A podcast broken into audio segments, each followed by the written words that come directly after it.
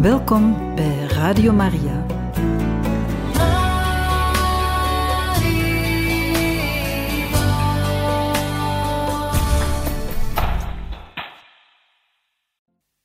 Van harte welkom, beste luisteraars van Radio Maria, bij het programma Catechismus. Vandaag kunnen wij luisteren naar een catechese over Onze Lieve Vrouw van Fatima. Deze wordt ons gegeven door Pater Jan Meus. We laten hem graag aan het woord.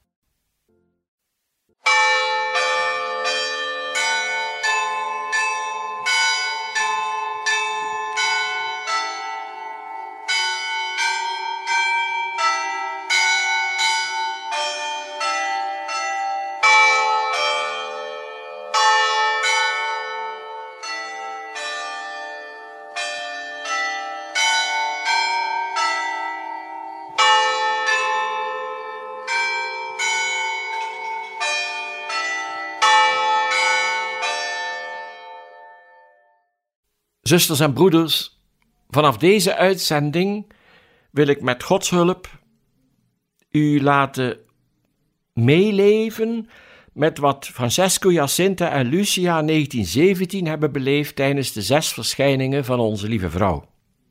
En graag wil ik deze uitzending beginnen met het nieuwe toewijdingsgebed aan het onbevlekt hart van Maria, dat de bisschoppen van Portugal gemaakt hebben vanwege het 100-jarig jubileum van Fatima. En ik vind dit gebed zo bijzonder, omdat in de tekst zoals die door de bisschoppen gemaakt is en door Nederlandse bisschoppen vertaald is, komen delen terug van wat de engel en ook onze lieve vrouw gezegd heeft aan de kinderen. Dus mensen die die teksten een beetje kennen, die zeggen: hé, hey, dat klinkt me bekend in de oren. En dat vind ik nog eens een extra schoonheid in dit gebed. Maar het bijzondere vind ik toch van dit gebed dat Maria, die de toewijding gevraagd heeft aan, in haar onbevlekt hart, dat we ons tot haar kunnen richten met deze tekst. En daarom wil ik beginnen met het kruisteken en dan bidden tot de Heilige Geest, dat die ons zo bezielt, dat wat we nu gaan horen en beleven, dat dat invloed mag hebben op ons hart, onze ziel, ons verstand, onze persoon en heel ons leven. In de naam van de Vader, de Zoon en de Heilige Geest. Amen. Kom, Heilige Geest, vervul de harten van uw gelovigen en ontsteken aan het vuur van uw liefde. Zend uw geest uit en alles zal worden herschapen, en gij zult het aanschijn der aarde vernieuwen. God, gij hebt de harten van uw gelovigen door de verlichting van de Heilige Geest onderwezen Geef dat wij door die Heilige Geest de ware wijsheid mogen bezitten en ons altijd over zijn vertroosting mogen verblijden door Christus onze Heer. Amen. Toewijding aan het onbevlekt hart van Maria. Heilige Maagd Maria, Moeder van God en onze Moeder. In algehele overgave aan God onze Heer, wijden wij ons toe aan uw onbevlekt hart. Door u zullen wij tot Christus geleid worden, uw Zoon en de enige geboren Zoon van God, en door hem en met hem tot de eeuwige Vader.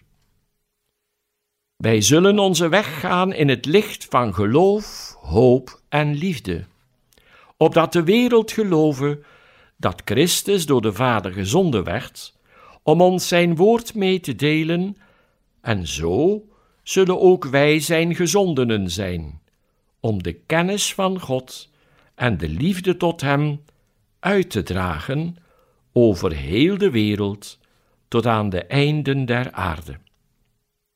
Onder de moederlijke bescherming van uw onbevlekt hart zullen wij één volk zijn met Christus, het volk dat hij zich door zijn dood heeft verworven.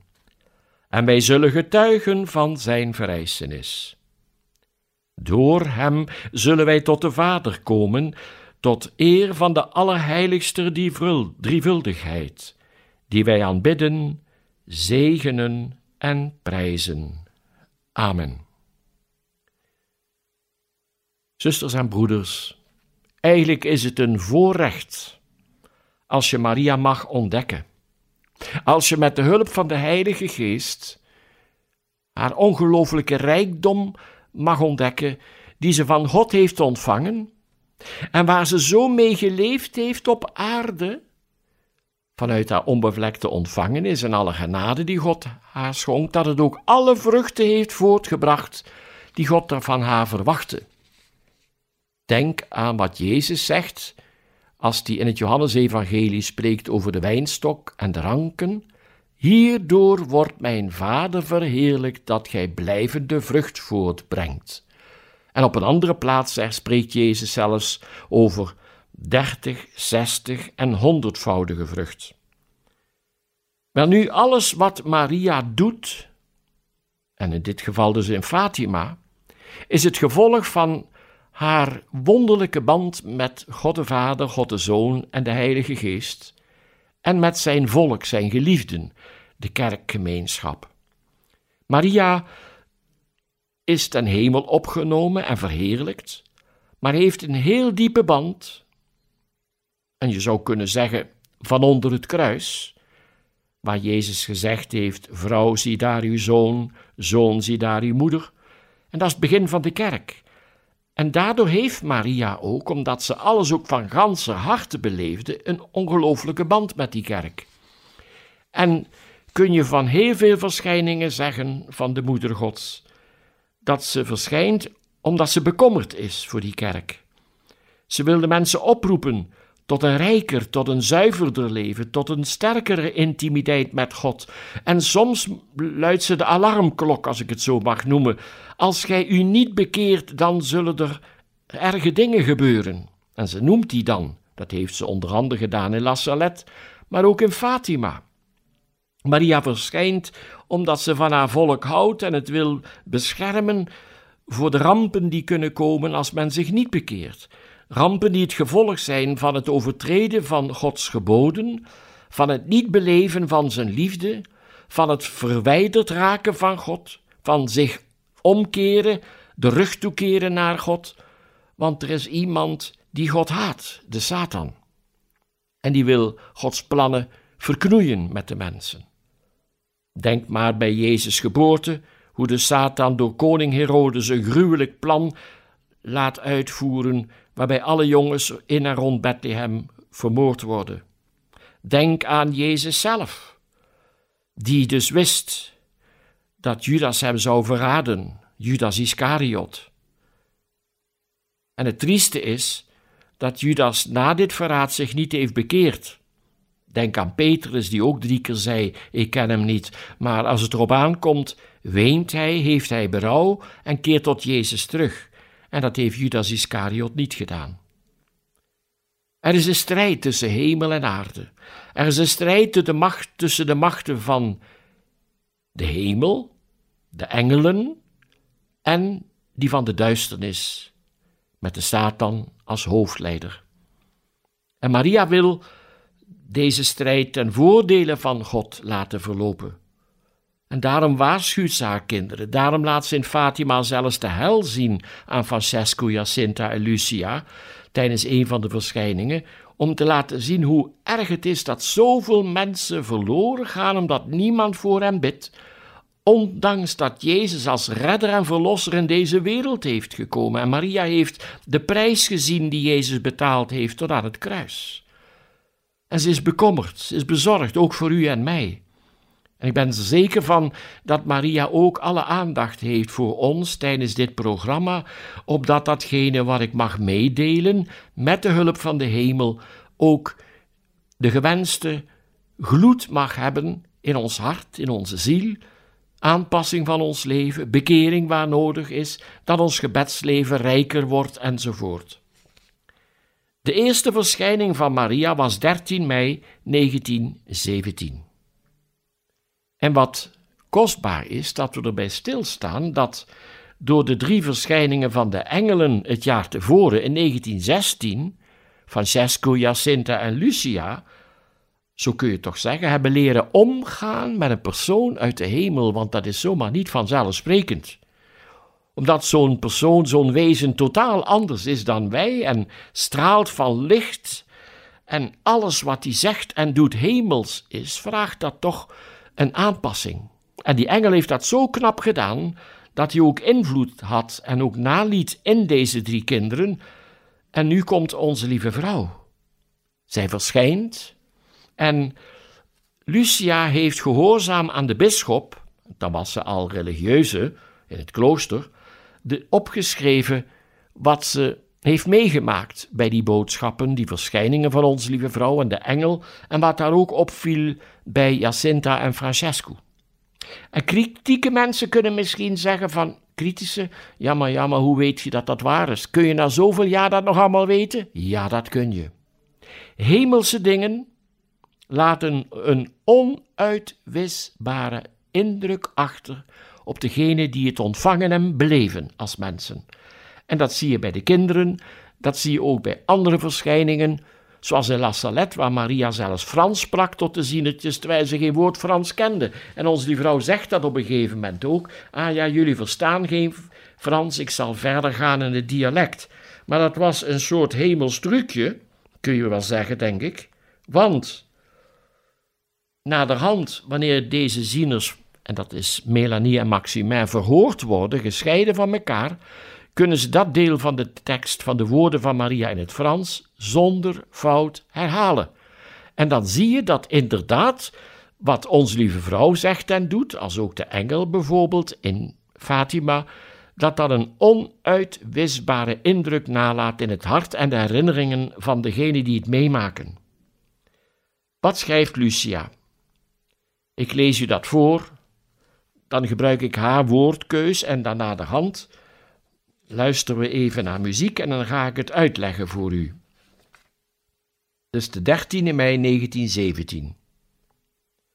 Toen ik met Jacinta en Francesco op de helling van de Cova da Iria aan het spelen was, bezig om een muurtje te bouwen rondom een paar struiken, zagen we plotseling iets als een bliksemstraal. Laten we naar huis gaan, zei ik aan mijn neef en nichtje, want het bliksemt, er kan onweer komen. Ja, dat is goed. En we beginnen de helling af te dalen, terwijl we de schapen in de richting van de straat dreven. Toen we ongeveer halverwege de helling waren, vlak bij een grote steeneik, zagen we weer een bliksem en enige passen verder zagen we boven een eik een dame, geheel gekleed in het wit, schitterender dan de zon, licht uitstralend, helderder en intenser dan een glas van kristal, met klaar helder water gevuld, waar de stralen van de meest felle zon doorheen schieten. Verbaasd over de verschijning bleven we staan. We waren er zo kort bij dat we ons bevonden binnen het licht dat haar omgaf, of dat zij uitstraalde, misschien op ongeveer anderhalve meter afstand. Toen zei ons lieve vrouw: Wees niet bang, ik doe u geen kwaad. Waar komt u vandaan? vroeg ik. Ik kom van de hemel. Wat wenst u van me? Ik ben gekomen om jullie te vragen hier te komen. Daarna zegt Maria verder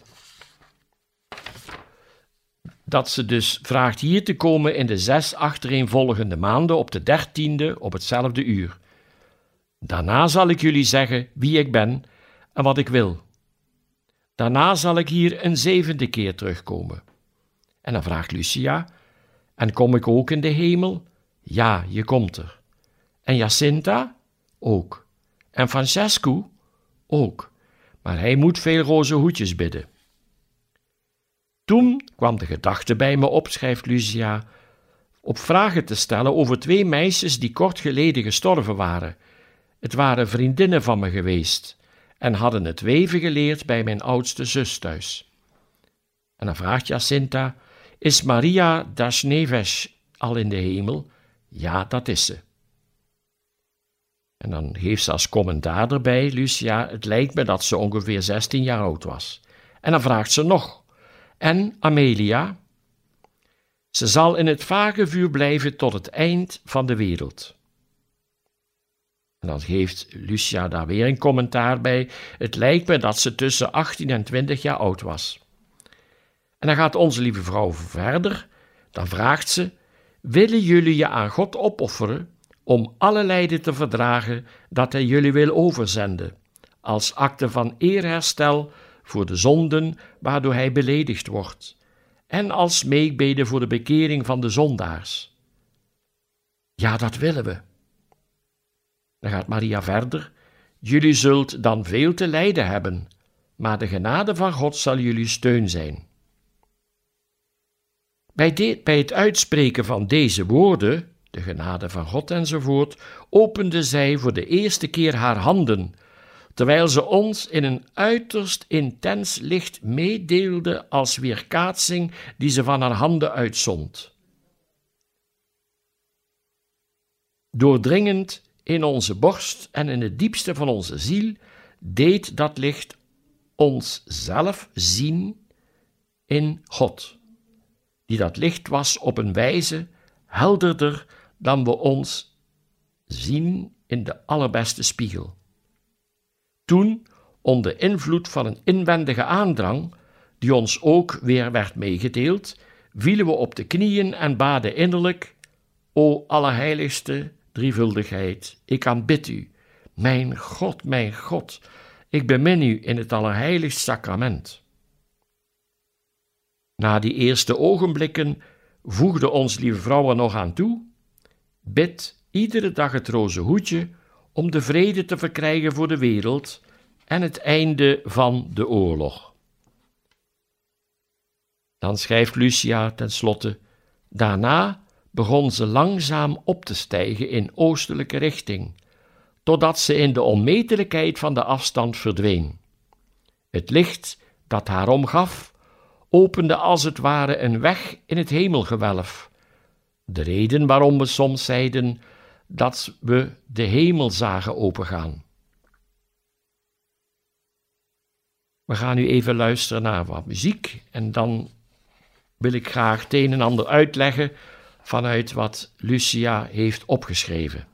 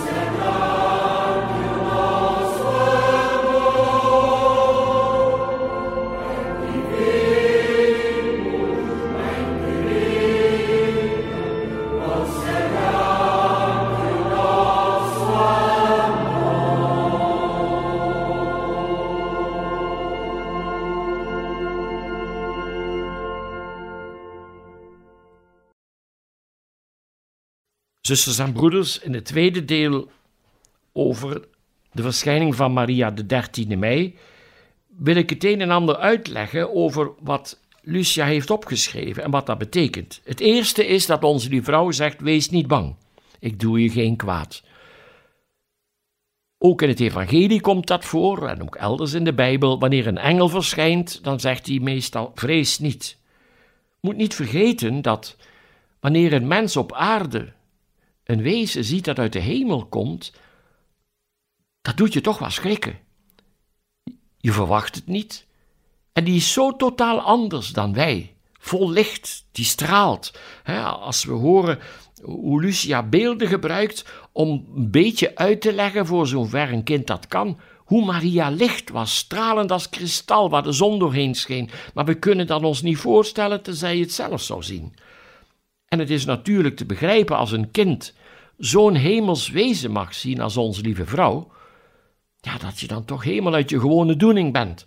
Dat je in de war raakt of zelfs schrikt. Hè, wat we ook horen met Pasen in het evangelie, wanneer Jezus verschijnt, dat de leerlingen dan, of de vrouwen die, die de engel ontmoet hebben, met schrik en grote vreugde vertrokken. Het is een mengeling van de twee, omdat die omgang met hemelse wezens, dat haalt ons uit ons gewone leven.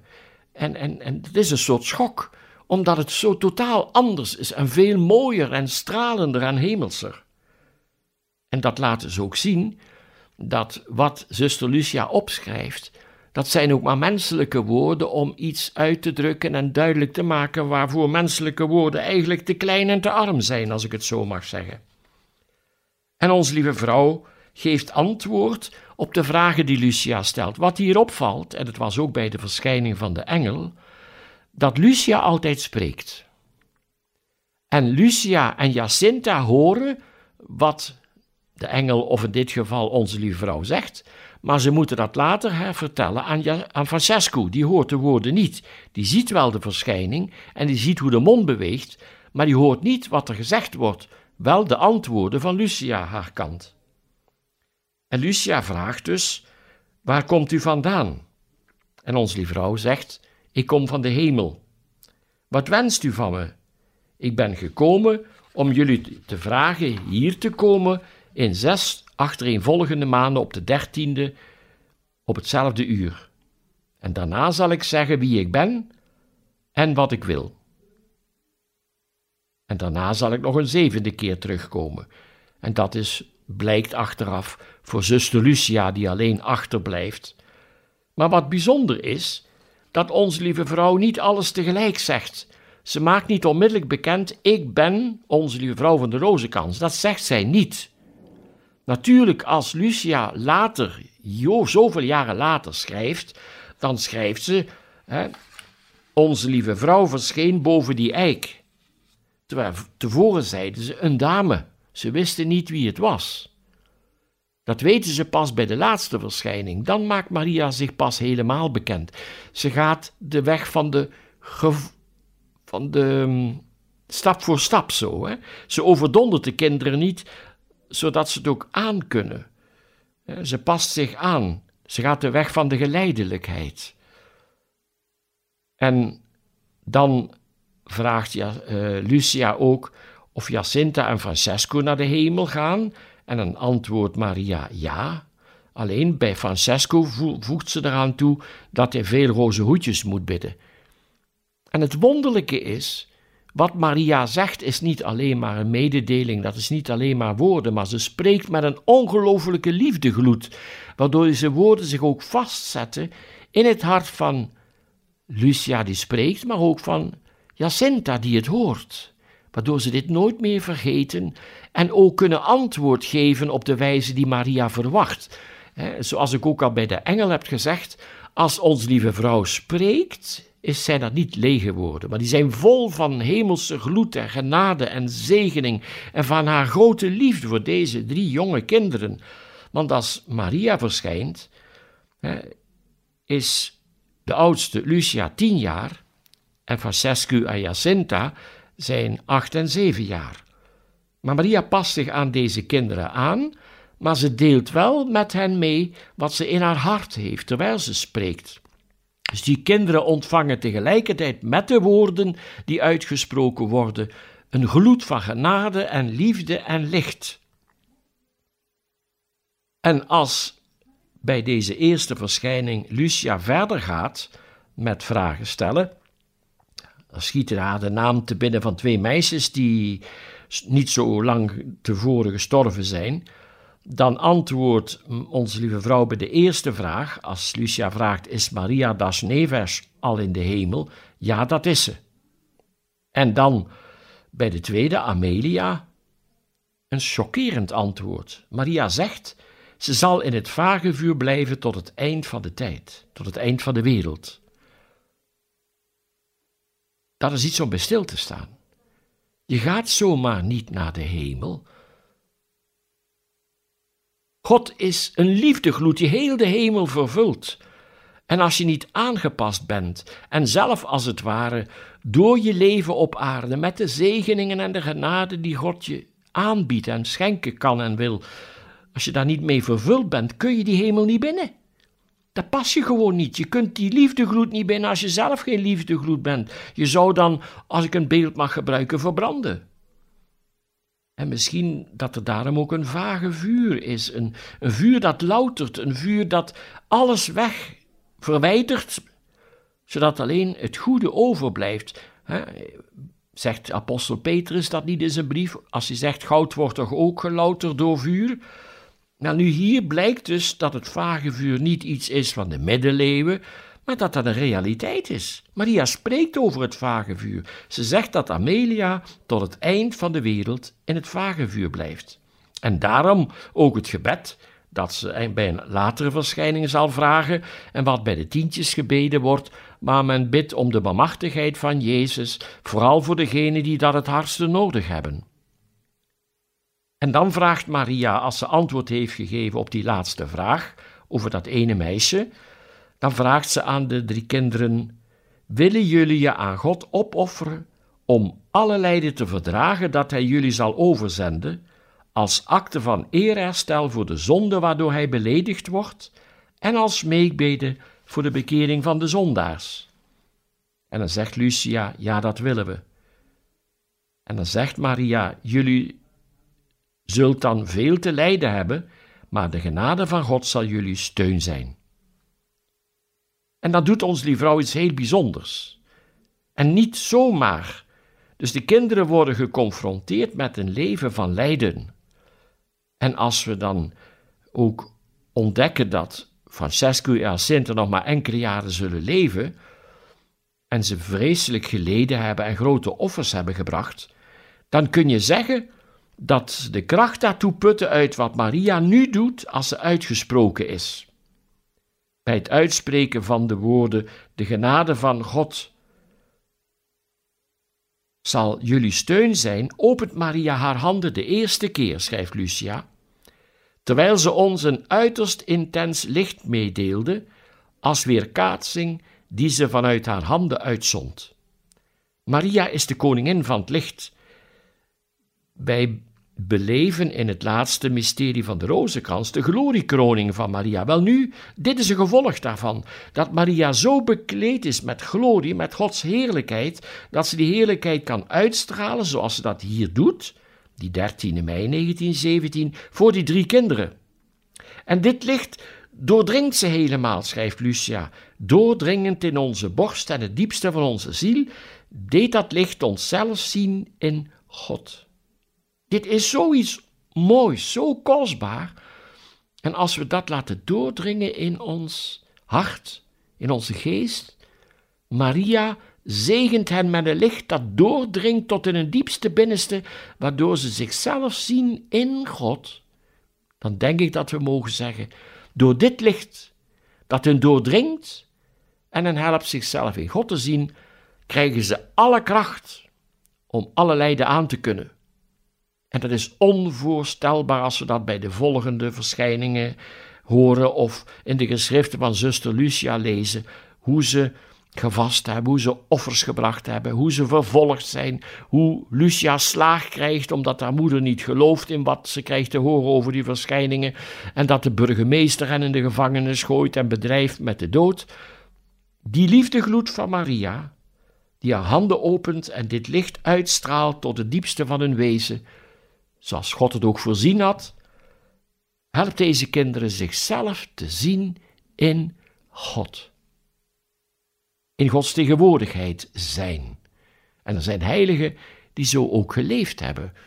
En dat is voor ons ook eigenlijk een vraag. Leven wij genoeg in Gods tegenwoordigheid? Of is dat maar af en toe als we aan Hem denken? Want Hij is er eigenlijk altijd. Misschien is dat een puntje om iets mee te gaan doen.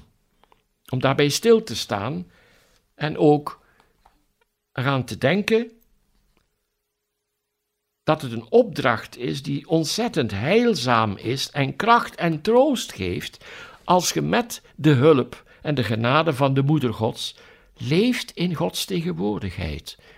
Misschien een moment om even te pauzeren, om dat te laten doordringen. En daarom, zusters en broeders, kunnen religieuze voorwerpen die we in ons huis hebben, of in de vorm van een foto, misschien in onze auto, ons ook helpen eraan denken, hij ziet mij, hij kijkt naar mij. Zoals iconen waar Jezus op afgebeeld staat of de moeder Gods die je aankijkt. Zo'n beeldenis kan je eraan herinneren, hij kijkt naar mij, hij heeft me lief, hij vergeet mij niet, hij kan me niet loslaten, omdat God me bemint. En hetzelfde voor de moeder Gods. Laten we dat even binnendringen in ons hart.